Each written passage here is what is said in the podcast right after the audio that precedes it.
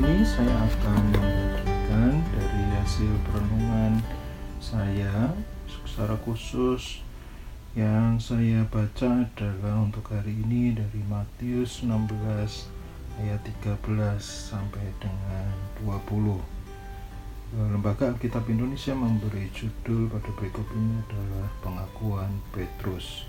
Rujukan dari uh, berikut ini uh, tertulis di Alkitab bahwa uh, kisah yang sama bisa ditemukan di Markus 8 ayat 27 sampai 30 dan Lukas 9 ayat 18 sampai 21. Yang menjadi uh, menarik dari apa yang saya renungkan dan apa yang saya peroleh dari kisah ini adalah tentang uh, Simon yang kemudian Yesus mengubah namanya menjadi Petrus. Nah, eh, penekanan tentang ini eh, pengubahan nama dari Simon menjadi Petrus mendasari seluruh perubahan kehidupan eh, Simon atau yang kemudian diberi nama Petrus oleh Yesus di kehidupan pelayanan eh, selanjutnya. Dan kita ketahui bahwa eh, Yesus sendiri menyatakan kepada Petrus secara khusus di ayat 18 eh, bahwa engkaulah engkau adalah Petrus dan di atas batu karang ini aku akan mendirikan jemaatku dan alam maut tidak akan menguasainya. Sungguh menarik karena pernyataan Yesus ini kemudian terbukti kepada pelayanan kehidupan pelayanan uh, Petrus di mana di Yerusalem Petruslah yang mendirikan jemaat di sana. Dan dengan berani sekali Petrus me memberikan khotbahnya gitu ya dengan lantang tentang Yesus di tengah kota Yerusalem. Dan kita tahu bahwa di kota itu Yesus juga e, disalibkan. Sehingga cukup e, keberanian e, maksudnya cukup jelas bahwa keberanian Petrus e, menunjukkan bahwa panggilan Yesus dengan mengubah nama ini ternyata memberikan satu encouragement kepada Petrus. Sehingga pada renungan yang saya peroleh adalah berkaitan dengan encouragement uh, kita akan mulai. Saya akan coba membagikan dari 13 lalu sampai dengan berikut seterusnya sampai 20 di 13 setelah Yesus tiba di daerah Kaisarea Filipi ia bertanya kepada murid-muridnya kata orang siapakah anak manusia itu? Uh, jadi di uh, Filipi di Kaisarea ini Filipi itu Filipi uh, adalah satu uh, kota pertemuan gitu ya yang uh, di situ tempatnya ada sebuah kota yang mempertemukan uh, semua uh, pendatang gitu istilahnya ya. semua pendatang yang kemudian berkumpul jadi satu sehingga ini ke kota metropolitan gitu istilahnya kalau sekarang gitu ya sehingga banyak sekali uh, Eh, pemahaman atau agama istilahnya begitu yang juga tersebar di kota Kaisaria Filipi ini. Sehingga di situ bisa kita bayangkan ketika Yesus bersama murid-muridnya masuk ke kota ini tiba di daerah Kaisaria Filipi uh, murid-murid Tuhan Yesus yang sebagian besar adalah nelayan. Bisa dibayangkan saya cuma ingin uh, membayangkan saja gitu ya mengilustrasikan memvisualisasikan begitu. Jadi Eh, murid-murid uh, Tuhan Yesus ya, nelayan ini mungkin terkagum-kagum begitu ya. Sehingga lalu kemudian uh, sibuk untuk melihat di sana sini. Itu seperti kayak misalnya saya waktu pertama kali uh, perjalanan ke uh, dulu sekali pertama kali ke Singapura itu rasanya itu memang uh, berbeda begitu ya dari uh, kota yang tidak semegah Singapura kemudian masuk ke Singapura jalan-jalan di sana dan itu membuat segala sesuatunya menjadi uh, luar biasa begitu ya. Dan itu mungkin yang terjadi pada murid-murid uh, Yesus di sini. Nah tapi di tengah uh, kekaguman mereka untuk melihat suasana kota yang juga banyak uh, mungkin di sana sini itu uh, ada istilahnya tempat-tempat pemujaan dewa dewi uh, di uh, daerah Kaisarea Filipi ini gitu ya. Lalu Yesus kemudian bertanya jadi di, mungkin bayang saya di tengah-tengah kondisi itu Yesus kemudian bertanya kepada para muridnya itu kata orang jadi yang pertama ditanya itu adalah yang pertama yang menarik adalah kata orang.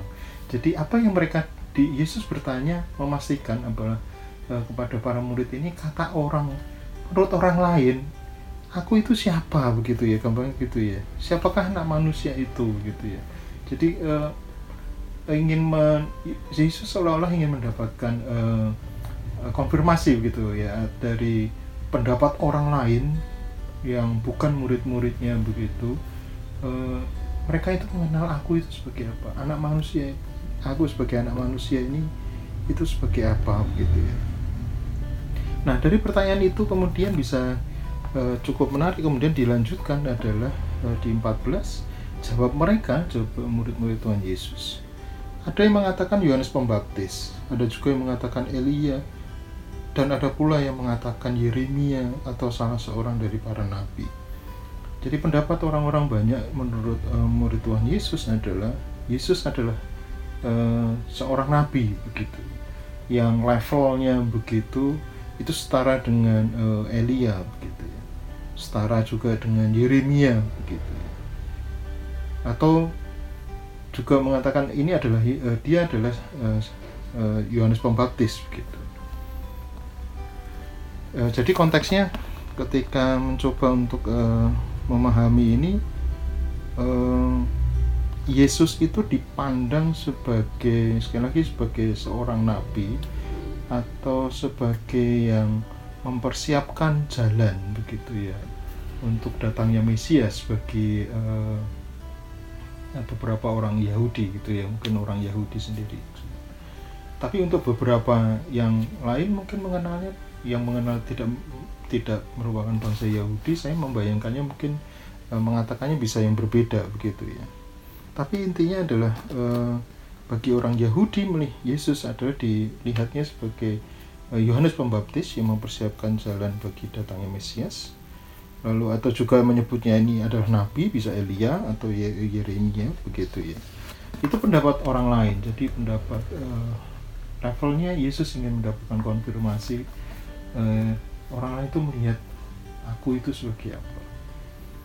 Setelah murid-murid itu menjawab lalu Yesus menekankan yang lebih pribadi lagi kepada para muridnya.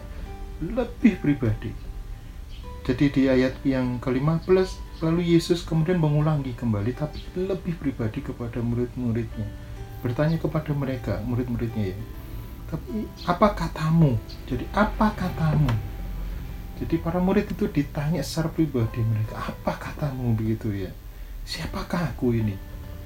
Jadi mungkin gak bayangannya mungkin kayak Tuhan Yesus mungkin datang ke satu gereja begitu lalu kemudian di situ ada kumpul berkumpul begitu pemuda-pemudi atau mungkin yang sudah senior gitu ya. Kemudian tiba-tiba kemudian Yesus datang kemudian bertanya menurut kamu siapakah aku ini? Uh, pertanyaan ini bayangan saya memerlukan satu uh, ini ya kepercayaan yang jauh lebih dalam kepada uh, sosok yang bertanya dalam hal ini adalah Yesus.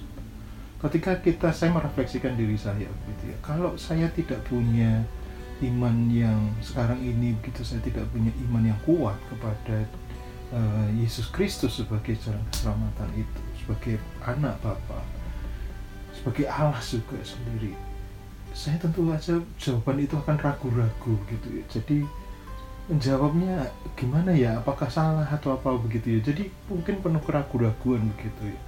Uh, mungkin saya sendiri ketika uh, ditanya begitu bisa saja saya uh, saya akan menjawabnya. Saya juga akan berdiam dulu begitu memikirkan jawabannya seperti apa karena uh, mungkin masih ada keraguan-raguan di situ. Nah, yang menarik adalah dari di antara seluruh muridnya itu yang mungkin ketika ditanya itu mungkin uh, mereka berdiam begitu ya memikirkan jawabannya begitu lalu kemudian yang menarik adalah di ayat yang ke-14 maka jawab Simon Petrus maka jawab Simon Petrus Oke ya, jadi menarik ya. Jadi di antara seluruh murid, bagi saya ini menarik. Di antara seluruh murid yang ada ketika ditanya itu, yang pertama kali menjawab dengan tegas adalah Simon Petrus. Dan Simon Petrus menjawabnya dengan luar biasa. Engkau adalah Mesias, engkau adalah Kristus yang diurapi, anak Allah yang hidup. Engkau adalah Mesias, engkau adalah Kristus, anak Allah yang hidup Mari kita membayangkan konteksnya dalam uh, kondisi ini. Jadi saya ulang kembali saya membayangkan dari perenungan saya adalah dari kumpulan murid-murid ini lalu kemudian Yesus kemudian bertanya, "Menurut kamu?" gitu ya, secara pribadi sekali. "Menurut kamu, siapakah aku ini?" Siapakah aku ini gitu ya. Dan yang sekali lagi menarik adalah Simon Petrus lalu dengan tegas dan dia yang memulai menjawab di antara seluruh muridnya, dia mulai menjawab, Engkau adalah Mesias, Engkau adalah Kristus, anak Allah yang hidup. Yesus melihat karakter uh, Simon yang mungkin adalah uh, keras begitu ya, badannya tinggi, uh, banyak yang menggambarkan begitu. Keras begitu dengan kehidupan nelayannya begitu ya. Uh, kemudian tegas begitu sehingga uh, Yesus melihat bahwa tidak ada keraguan-keraguan di dalam uh, iman Petrus, eh, iman Simon Petrus ini terhadap apa yang ditanyakan oleh Yesus. Sehingga dengan melihat Yesus ketika melihat uh, ini pun lalu Yesus kemudian memberikan jawaban kepada Simon Petrus. Jadi bukan kepada seluruh murid-muridnya tapi kepada Simon Petrus yaitu kata Yesus kepadanya kepada Simon Petrus Berbahagialah engkau Simon bin Yunus. Jadi namanya adalah sebetulnya eh, penyebutan di ayat yang ke-15 Simon Petrus sebetulnya namanya adalah masih di eh, Simon bin Yunus. Sebab bukan manusia yang mengatakan itu kepadamu, melainkan Bapakku yang di surga. Penekanan bahwa pernyataan iman eh, Simon bin Yunus ini ketika dengan tegas menjawab pertanyaan Yesus, siapakah aku ini? Dan Simon bin Yunus menjawab dengan tegas, aku adalah engkau adalah uh, Mesias engkau adalah Kristus anak Allah yang hidup gitu ya. Dan jawaban itu sekali lagi bahwa pernyataan Yesus ketika menjawab ini uh, bukan manusia yang mengatakan itu kepadamu melainkan Bapakku yang di surga. Sekali lagi bahwa uh, Yesus ingin menunjukkan bahwa ada satu relasi yang sangat kuat antara Yesus Kristus dengan Bapaknya yang di surga. Bahwa semua pernyataan, semua kegiatan pelayanan, semua apa pun yang dilakukan oleh Yesus itu adalah karena kehendak Bapaknya. Sehingga pernyataan itu juga menegaskan kepada Simon Petrus juga dan kemungkinan yang didengar oleh semua murid-muridnya bahwa semua pengakuan yang uh, luar biasa berkaitan dengan Yesus Kristus itu adalah datangnya dari Bapa, bukan dari diri mereka sendiri Tujuannya adalah sekali lagi pernyataan ini bagi saya melihatnya adalah agar tidak ada satu kesombongan ketika ada jawaban itu. Tidak ada satu uh, apa ya satu uh, demonstrasi begitu ya yang uh, uh, ingin dikuatkan oleh uh, Simon Petrus. Loh, aku ini loh yang tahu betul soal Yesus begitu ya. Yesus tidak ingin uh, uh, apa ya perasaan itu atau rasa itu ada di Simon Petrus dan mungkin murid-murid yang lain sehingga penekanannya adalah bagi saya melihatnya bahwa segala semua pernyataan yang keluar dari hati kita, pikiran kita tentang Yesus itu adalah karena Bapa kita yang di surga melalui Roh Kudus ini.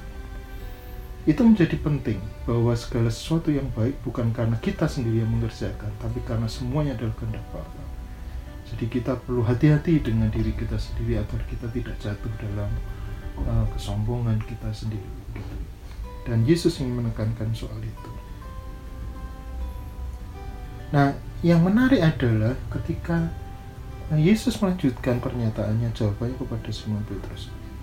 Dan aku pun berkata kepadamu engkau adalah Petrus engkau adalah Petrus. Sehingga Yesus kemudian mengganti nama batu karang pada Simon bin Yunus. Dan di atas batu karang ini aku akan mendirikan jemaatku dan Allah mau tidak akan menguasainya sehingga Yesus uh, saya melihatnya uh, uh, jawaban Yesus ini kepada Simon Petrus menegaskan soal uh, panggilan pelayanan yang jauh lebih uh, kuat kembali, jauh lebih kuat kepada diri Petrus yang sudah uh, dari Simon berganti nama Petrus. Sehingga betul bahwa Simon Petrus mengamini ini, mengamini pernyataan Yesus ini dan kemudian bisa kita lanjutkan bahwa pernyataan Simon Petrus ini kemudian mendorong Simon Petrus untuk melakukan pelayanan yang lebih luar biasa kembali. Dan tadi sudah saya sebutkan di awal bahwa Simon Petrus inilah yang kemudian mendirikan jemaat pertama di Yerusalem. Kepadamu lalu Yesus melanjutkan, Kepadamu akan kuberikan kunci kerajaan surga apa yang kau ikat di dunia ini akan terikat di surga dan apa yang kau lepaskan di dunia ini akan terlepas di surga jadi sekali lagi janji Yesus untuk menguatkan eh, mendorong mengencourage eh, Simon Petrus ini dalam kehidupan pelayanannya itu ditunjukkan dengan janji yang disampaikan oleh Yesus. Janji berkat ini menjadi satu luar biasa kepada semua murid-muridnya yang dengan uh, kerendahan hati mengakui bahwa semua pelayanan yang uh, dapat dilakukan itu adalah karena kehendak Allah. Yang terakhir, lalu Yesus melarang murid-muridnya supaya jangan memberitahukan kepada siapa pun bahwa ia Mesias. Nah, yang menarik adalah sekali lagi bahwa ini adalah satu contoh pernyataan uh, yang lain bahwa ketika Yesus menyembuhkan orang sakit uh, Yesus selalu berpesan bahwa jangan memberitahukan semua mujizat yang terjadi itu kepada orang lain demikian juga ketika Yesus menyatakan ini uh, Yesus ingin menyampaikan sekali lagi bahwa Yesus melarang murid-muridnya supaya jangan memberitahukan kepada siapa pun bahwa ia Mesias. Artinya yang saya tangkap bahwa Yesus uh, ingin bahwa jangan sampai kemudian uh, uh, Yesus yang diakui sebagai Mesias atau Kristus membuat satu kegaduhan begitu ya yang sebetulnya waktunya belum tiba begitu ya. jadi Yesus selalu menjaga bahwa agar panggilan uh, pelayanan dari Bapaknya itu dapat diselesaikan namun yang lebih penting lagi adalah agar Eh, kondisi semuanya yang ada di uh, jemaat ataupun di uh, masyarakat secara sosial itu tidak akan menjadi terjadi kekacauan. Oke, jadi itu yang menarik sehingga saya melihat bahwa dalam pribadi Simon Petrus itu dapat kita tiru. Ya, hal yang menarik lagi yang lain adalah saya merenungkan soal karakter Petrus ketika uh, tadi di ayat yang ke uh, lima, uh, 16 ya. Jadi jawab Simon Petrus engkau adalah Mesias. Jadi Simon Petrus berani memulai berani menunjukkan bahwa bagi saya melihatnya begini, uh, ketika Simon Petrus menjawab pertanyaan Yesus uh, daripada murid-muridnya begitu ya mulai saya melihat bahwa ada karakter e, kepemimpinan yang luar biasa dalam diri Simon Petrus.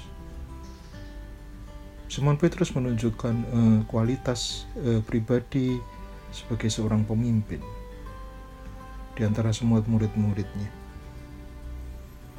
Dan e, sisi yang lain saya melihat bahwa Simon Petrus e, berani menunjukkan tujuan hidupnya Simon Petrus berani menunjukkan bahwa uh, dia punya passion begitu ya. Jadi uh, passion itulah yang kemudian ditangkap oleh Yesus. Uh, tujuan hidup itulah yang ditangkap oleh Yesus dan kemudian Yesus memberkati Simon Petrus dengan janji pelayanannya dengan janji anugerahnya berkatnya dan mengganti nama Simon bin Yunus menjadi Petrus perenungan saya adalah bagaimana dengan saya. Bagaimana dengan anda sendiri juga dengan kisah ini? Apakah kita akan juga uh, mengakui Yesus sebagai Kristus Yesus Kristus dalam kehidupan kita yang punya dan relasi yang sangat uh, kuat dengan Bapa di surga? Dan kita mengakui bahwa kehidupan tujuan kehidupan kita adalah untuk melayani Kristus. Tujuan hidup kita adalah Kristus sendiri Yesus Kristus itu sendiri, Allah Bapa sendiri. Dan kita mempercayai dan uh, mengharapkan bahwa semua ke pelayanan yang kita lakukan ini bukanlah untuk memenuhi keinginan kita sendiri, tapi kita harus selalu membalikan bahwa pelayanan-pelayanan kita itu dimampukan karena Roh Kudus, bukan karena kekuatan kita sendiri, kemampuan kita, tapi karena Roh Kuduslah yang memampukan itu agar pelayanan kita adalah harusnya kembali kepada panggilan ataupun uh, pekerjaan Bapa di dunia ini. Terima kasih, itu adalah uh, renungan saya untuk hari ini. Kiranya memberkati.